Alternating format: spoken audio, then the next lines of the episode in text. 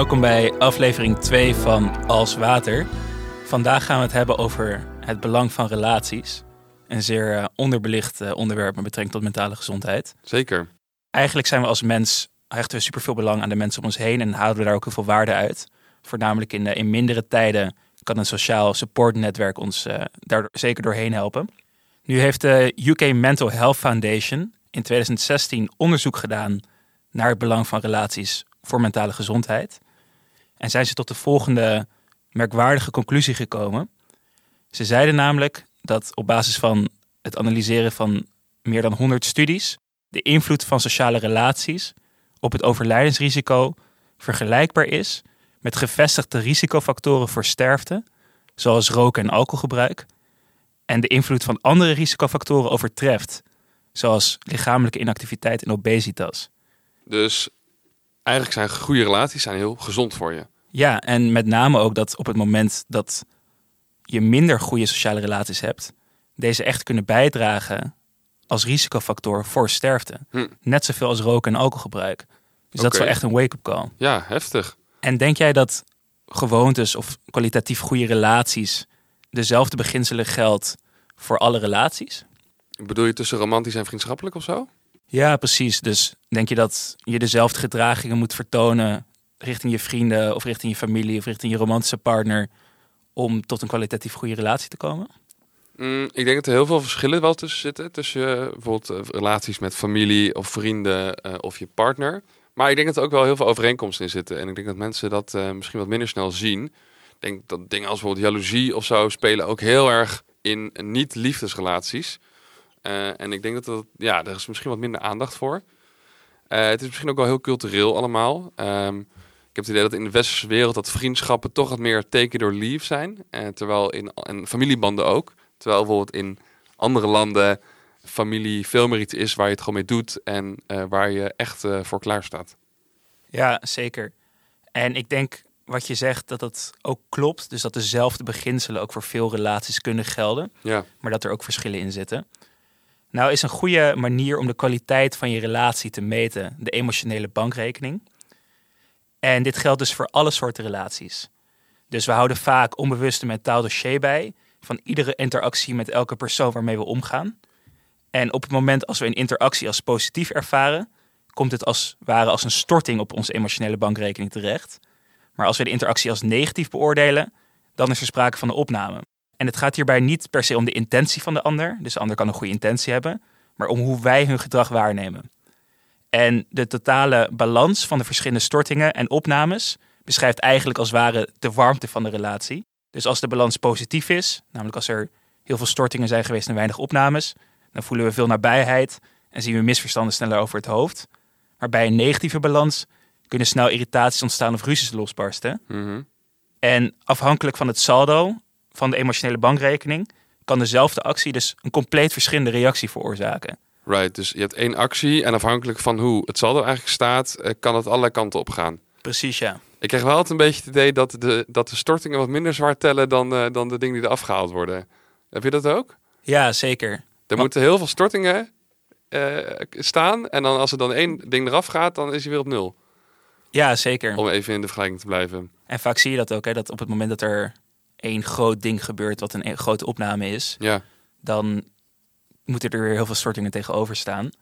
Maar wat je vaak ook ziet, is dat afhankelijk van of er al veel stortingen zijn geweest, zo'n opname kan leiden tot een definitieve break binnen de relatie of niet. ja mijn moeder zei altijd, vertrouwen komt te voet en gaat te paard. Ja, dat is eh, mooi gezegd van je moeder. ja, ik zei altijd, ja, het zal wel, mam. Maar daar heb ik er toch nog wat aan. ja. En misschien is het dan wel even leuk om ook te kijken naar wat nou relatiegewoonten zijn die wij binnen onze samenleving als, als gezond zien, die eigenlijk gewoon best wel ongezond zijn. Ja, want is, er is natuurlijk best wel een, een, een beeld van, eh, van hoe relaties in elkaar zitten. Je hebt ook heel veel programma's op tv die een heel vertekend beeld geven van, van liefde in het algemeen. Ik zal niet ontkennen dat ik er wel eens naar kijk.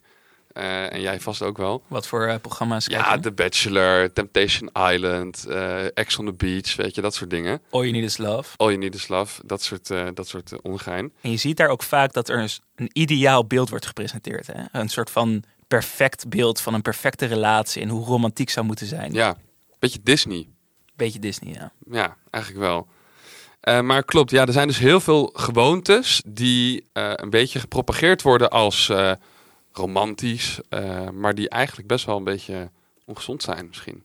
Waar ik meteen aan moet denken, en dat is er misschien eentje die wat meer, eh, misschien in Nederland niet eens zo heel groot is, maar ik heb bijvoorbeeld wat Italiaanse vrienden die daar wel eens vaak over hebben, vrouwelijke vrienden, die zeggen, eh, mannen hier zijn heel bezitterig en, en, en claimerig en ook wel gauw jaloers.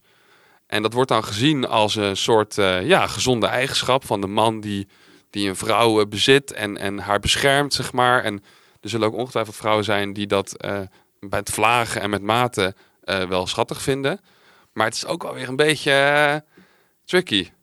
Ja, dat wordt dan gezien als de ultieme vorm van romantiek bijna. Dat je zo ver voor je partner wil gaan dat niemand eh eraan mag komen, terwijl dat natuurlijk eigenlijk heel toxic is. Ja, Verder, wat ook wel een, eh, een mooie is, die ik ook vaak zie, is dat mensen een bepaalde jokerkaart gaan bijhouden. Dus op het moment dat iemand iets heeft gedaan wat de ander niet bevalt, dat die perso andere persoon er dan terug gaat refereren een paar maanden of een paar jaar later van hé, hey, maar weet je nog toen je dit deed? Dus ik eh, sta nu ook in mijn recht om dit te doen. dus oude koeien uit de sloot halen. Eigenlijk oude koeien uit de sloot halen. Hm.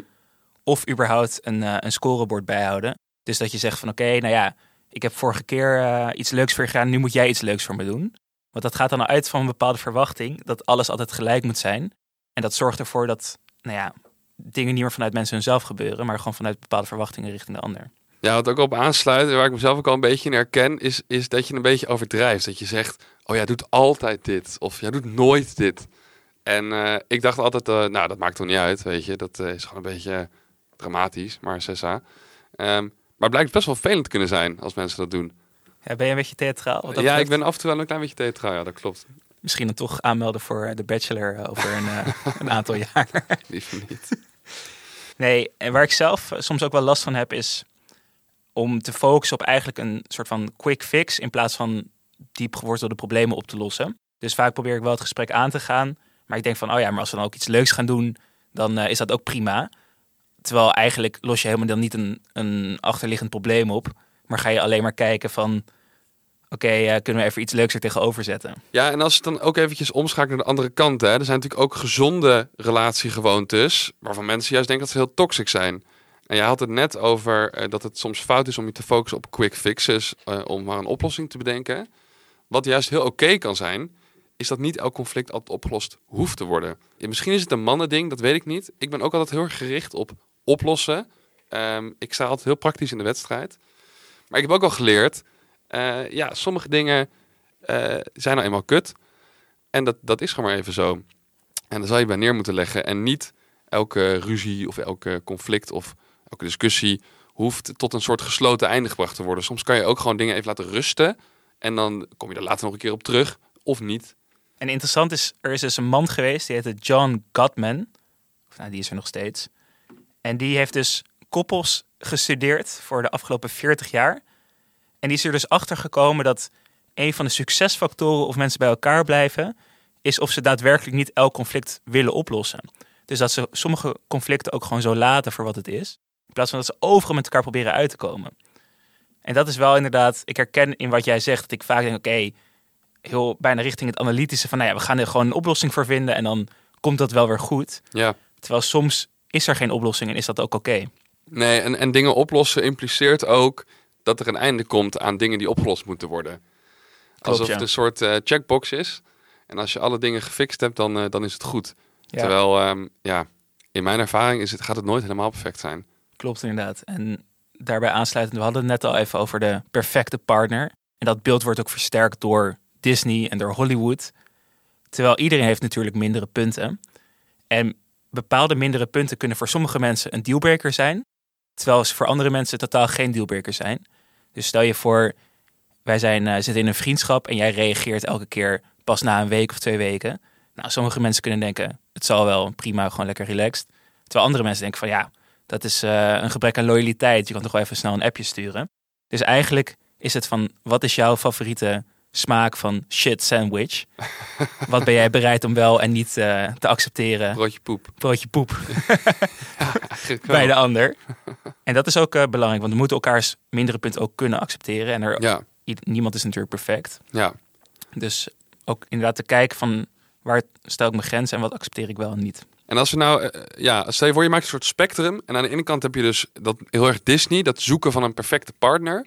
En aan de andere kant heb je het samen zijn met een imperfecte partner en daar je geluk in kunnen vinden. Eh, op, waar val jij op dat spectrum? Dat is een hele goede Eh, of vraag. ben je, daar, ben je daarin gewis- in geswitcht, in geschoven? Ik ben er niet in geschoven. Het idee van een perfecte partner geloof ik sowieso niet in. Mhm. Ik denk dat te veel mensen bezig zijn met een perfecte partner te zoeken of iemand die ja, op al hun verlangens aansluit. Ja, Dus we hebben het nu even over een romantische partner. Hè? En ik denk dat, dat dat een hele toxische gedachte is, want niemand gaat dat vervullen. Ik denk dat je met jezelf al heel tevreden moet zijn en de, je partner een extensie van jezelf kan zijn. Zie jij dat bij jezelf anders? Dat je wel op zoek bent meer naar die perfecte partner? nou ik denk dat ik er wel in verschoven ben. Ik denk dat ik vroeger eh, meer problemen had gehad met de negatieve aspecten van eh, een partner. En dat ik nu eh, daar wat iets meer accepterend tegenover sta.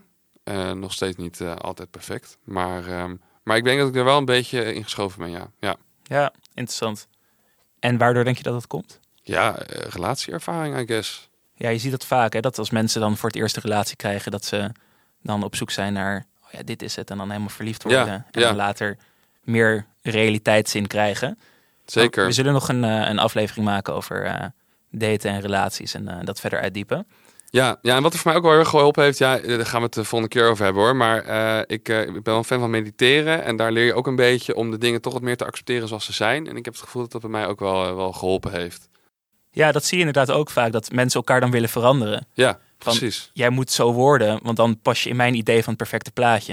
Nou, niks is natuurlijk meer toxic dan dat.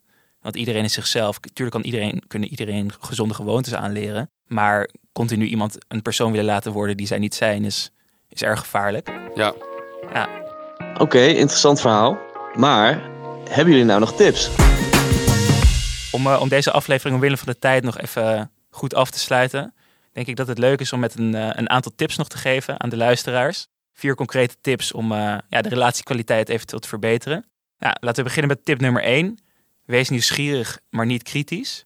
Dit komt er dus eigenlijk op neer dat op het moment dat mensen van ons verschillen, we heel erg de neiging hebben om dan kritisch te zijn. Dus als we zelf iets doen, dan zeggen we, oh ja, maar dat, we zijn geen slecht persoon en dat heeft gewoon met de omstandigheden te maken.